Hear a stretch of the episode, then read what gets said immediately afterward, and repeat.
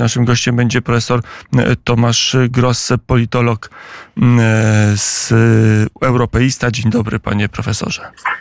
Dzień dobry, witam serdecznie. Trochę później, ale jest dynamiczna sytuacja. Mówił już doktor Żukowski o tym raporcie, który stoi, leży mm, na naszym stole radiowym. Raport przygotowany przez wspólną e, francusko-niemiecką grupę mm, na temat reformy instytucjonalnej Unii Europejskiej. Nie wiem, czy pan profesor ten tekst już przeczytał, przejrzał i przyswoił. No jestem w trakcie tej lektury. I jakie są pierwsze wnioski? Bo wydaje się, że to jest y, taki dokument, który y, od naszego członkostwa w sposób y, największy, najdalej idący zmienia zasady we wspólnocie. No w istocie jest to propozycja uszczegółowiona, jeśli chodzi o różne koncepcje i plany reform. E, póki co ekspertów, ale oczywiście przy bardzo silnym poparciu ze strony dwóch największych państw członkowskich e, Europy Zachodniej, czyli Francji i Niemiec, e, które od pewnego czasu sygnalizowały, że takie reformy będą niezbędne w Unii Europejskiej, że jest to warunek przyjęcia między innymi Ukrainy, ale też innych krajów chociażby mm, wywodzących się z Bałkanów Zachodnich. W tej chwili mamy w sumie osiem państw, które mają status kandydatów i e, ubiegają się o członkostwo. Niezależnie od tego, czy to członkostwo nastąpi prędzej czy później, bo tutaj akurat jeśli chodzi o stanowisko Niemiec i Francji, nie jest ono tak jak było wcześniej, y, spójne. Mm, Francja była przede wszystkim dużym przeciwnikiem tego poszerzenia. Niemcy y, raczej opowiadały się za poszerzeniem y, krajów Bałkanów Zachodnich, natomiast przykładowo nie Ukrainy i Mołdawii. Natomiast w ostatnich tygodniach Francja zmieniła front i stała się orędownikiem Mm, przyjęcia Ukrainy do wspólnoty. Y, niemniej y, tutaj głównym argumentem dla tych ekspertów, którzy są autorami raportu, jest właśnie poszerzenie i to, że to wymaga radykalnego, radykalnej zmiany y, zarządzania. I zgodnie z tym, co mówiły rządy francuski i niemiecki od dłuższego czasu, stawiają przede wszystkim nacisk na zmianę sposobu głosowania i odejście od um, weta, zarówno i przede wszystkim w Radzie Unii Europejskiej, czyli tej instytucji międzyrządowej, która uczestniczy w procesie legislacyjnym, jak i w Radzie Europejskiej, czyli możliwość, nazwijmy to takiego miękkiego blokowania pewnych polityk y, tak e, jak to e, wcześniej miało miejsce, czy to w przypadku polityki klimatycznej, migracyjnej, czy innych, e, no po wprowadzeniu tych reform byłyby, czy byłoby niemożliwe, tutaj też jest mowa o różnych innych mm, sprawach, na przykład zmniejszenie liczby komisarzy,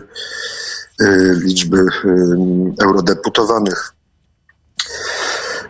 ale i też co ciekawe, wzmocnieniu mm, jeszcze bardziej e, tej, e, tych, czy usprawnieniu procedury sankcyjnej, przede wszystkim za brak praworządności, za łamanie tak zwanych wartości y, europejskich. Bo w tym raporcie to mm, rule of law, czyli praworządność tłumaczona na Polskę jest, na polski jest bardzo często podnoszona jako kluczowa kwestia dla Unii Europejskiej. No i faktycznie chociażby mm, artykuł 7, procedura z artykułu 7 ma być znacząco uproszczona, y, tak, że właściwie ten, ten, ten artykuł będzie mógł być używany niemalże zwykłą większością głosów w Radzie to wszyscy, zresztą sama Rada ma się też zmienić i Komisja ma się bardzo mocno zmienić. E, w zasadzie, gdzie po tej reformie e, będzie środek ciężkości zarządzania w Unii Europejskiej?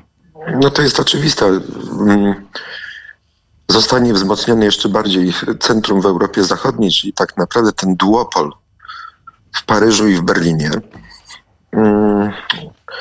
Bo nawet jeżeli tam jest taka sugestia, że ma się zmniejszyć, y, zmienić troszeczkę system obliczenia głosów w ramach tej większości kwalifikowanej na korzyść państw najmniejszych, to y, w dalszym ciągu te państwa najmniejsze, one nie mają wielkiego wpływu na politykę Unii Europejskiej y, w sensie głosowania większością kwalifikowaną. Innymi słowy, one nie mają rozstrzygającego, takiego przywódczego znaczenia, zarówno jeśli chodzi o e, kształtowanie się większości. Tutaj rzecz jasna, dominujący wpływ ma Francja i Niemcy, e, ani też nie mają wpływu, jeśli chodzi o blokowanie, mm, czyli tej mniejszości blokującej. One się zazwyczaj przyłączają wcześniej czy później do tej e, większości pod przywództwem francusko-niemieckim. W związku z tym ofiarowanie nieco więcej głosów właśnie tej grupie krajów nie ma zasadniczego wpływu e, na to centrum decyzyjne, o którym tutaj mówimy. No niestety e, tutaj wprost przecież w tym raporcie mówi się o tym, że zgodnie z pewną taką tradycją e, myśli strategicznej o integracji europejskiej i francuskiej, że ma być, że mają być jakby cztery kręgi integracyjne. Ten krąg wewnętrzny, właśnie usytuowany w Europie Zachodniej, najwięcej mający do powiedzenia, jeśli chodzi o legislację, jeśli chodzi o wszystkie aspekty w zasadzie polityki, mm, które w tej chwili są zastrzeżone do, dla jednomyślności, czyli jakoś jeszcze tutaj państwa narodowe, zwłaszcza z Europy Środkowej, mają coś do powiedzenia. E, więc Pierwszy to, krąg to był ten, e, to centrum e, w Europie Zachodniej, drugi cała reszta Unii Europejskiej.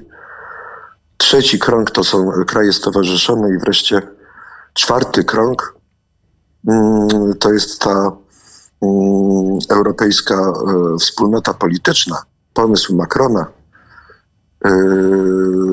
Tak naprawdę wszystkie pozostałe kraje na kontynencie europejskim.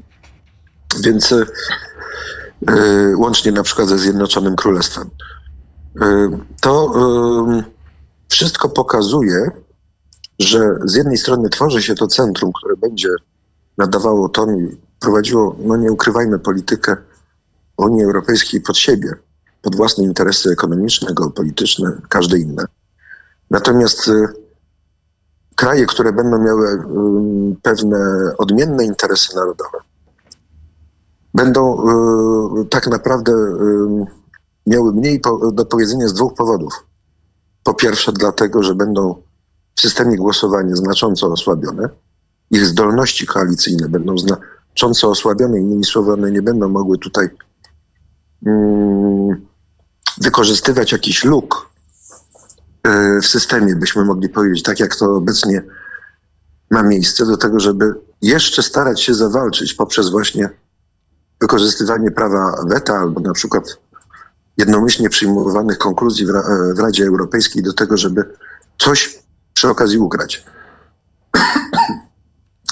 Natomiast e, drugi instrument, no to jest e, bardzo wyraźne wzmocnienie sankcji. W tej chwili ten artykuł siódmy, o którym tutaj rozmawialiśmy, on jest martwy, dlatego że Francja i Niemcy, czy inne kraje Europy Zachodniej nie są w stanie skutecznie ukarać Polski i Węgier, dlatego że nie ma odpowiedniej większości, żeby wyprowadzić sankcje, na przykład takie, które by nam odebrały w ogóle prawo głosowania w instytucjach międzyrządowych.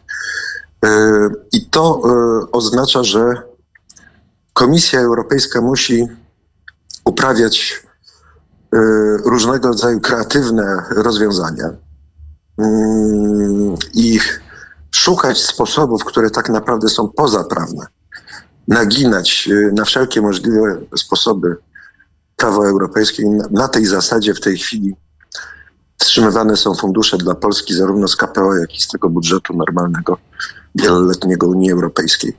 Ale to jest e, jazda po bandzie, mówiąc tak e, kolokwialnie, bo przecież podstawowym i tak naprawdę jedynym traktatowym instrumentem sankcyjnym to był artykuł 7, a on jest martwy.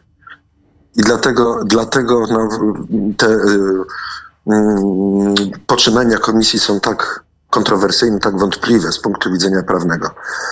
A teraz, jeżeli to się odblokuje, dużo łatwiej będzie y, nas karać to na wiele sposobów, nie tylko karami finansowymi, ale również politycznymi, jeśli chodzi o system głosowania i tak dalej.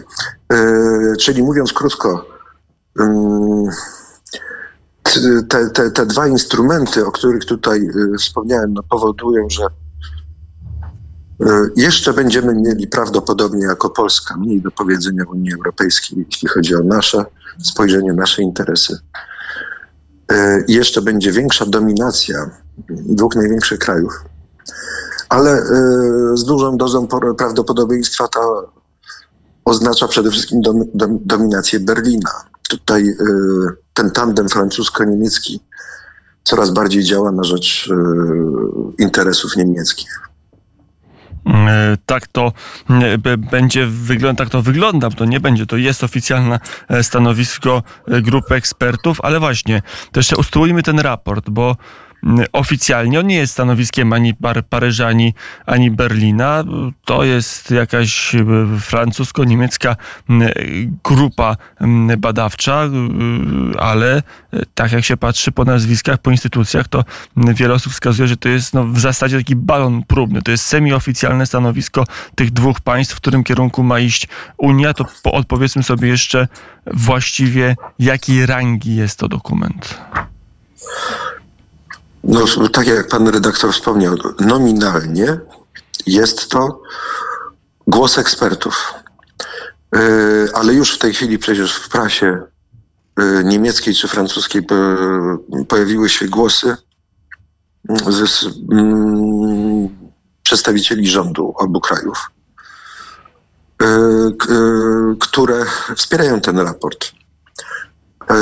Popierają jego tezy, uważają, że bez wprowadzenia przynajmniej najważniejszych rekomendacji tego raportu nie będzie można pójść dalej. E, zresztą to, co mówiłem już wcześniej, dyplomaci francuscy, niemieccy, mm, przywódcy nawet krajów, e, czyli pan, kanclerz czy pan prezydent francuski, e, pewne elementy czy rekomendacje tego raportu już dużo wcześniej proponowali i yy, sygnalizowali, że jest to dla nich absolutnie priorytet. Dlatego eksperci, łącznie z moją osobą, zwracali uwagę od dłuższego czasu, że jest przyspieszenie, jeśli chodzi o centralizację zarządzania w Unii Europejskiej. Właśnie pod wpływem wojny na Ukrainie. Yy, tutaj yy, w gruncie rzeczy poszerzenie jest tylko pretekstem Natomiast e, absolutnie najważniejsze jest e, ta, jest ta dynamika geopolityczna, moglibyśmy powiedzieć, która się rozpoczęła wraz z atakiem Putina na Ukrainę. Tutaj w pewnym momencie e, zachwiała się ta, ta, ten prymat, przywództwo niemiecko-francuskie, niemieckie zwłaszcza w Europie Środkowej. I to wszystko zaczęło się, mówiąc krótko, rozłazić.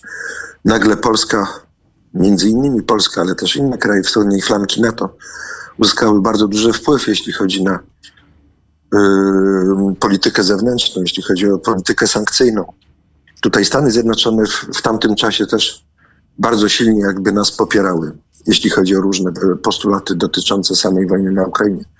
Więc mówiąc krótko, to było y, y, nie w smak elitom niemieckim, które przyspieszyły, jeśli chodzi o reorganizację Unii Europejskiej, żeby zdecydowanie i raz na zawsze spacyfikować wszystkie te siły odśrodkowe, które nie chcą iść za, Berlinem, które nie chcą być moglibyśmy rzec satelitą niemieckim w Unii Europejskiej i e, zabezpieczyć jakby te interesy strategiczne przede wszystkim Niemiec, ale również Francji w e, Unii Europejskiej. I o tym mówił profesor Tomasz Grosse, politolog europeista związany z Uniwersytetem Warszawskim. Panie profesorze, dziękuję bardzo serdecznie za rozmowę. Dziękuję pięknie.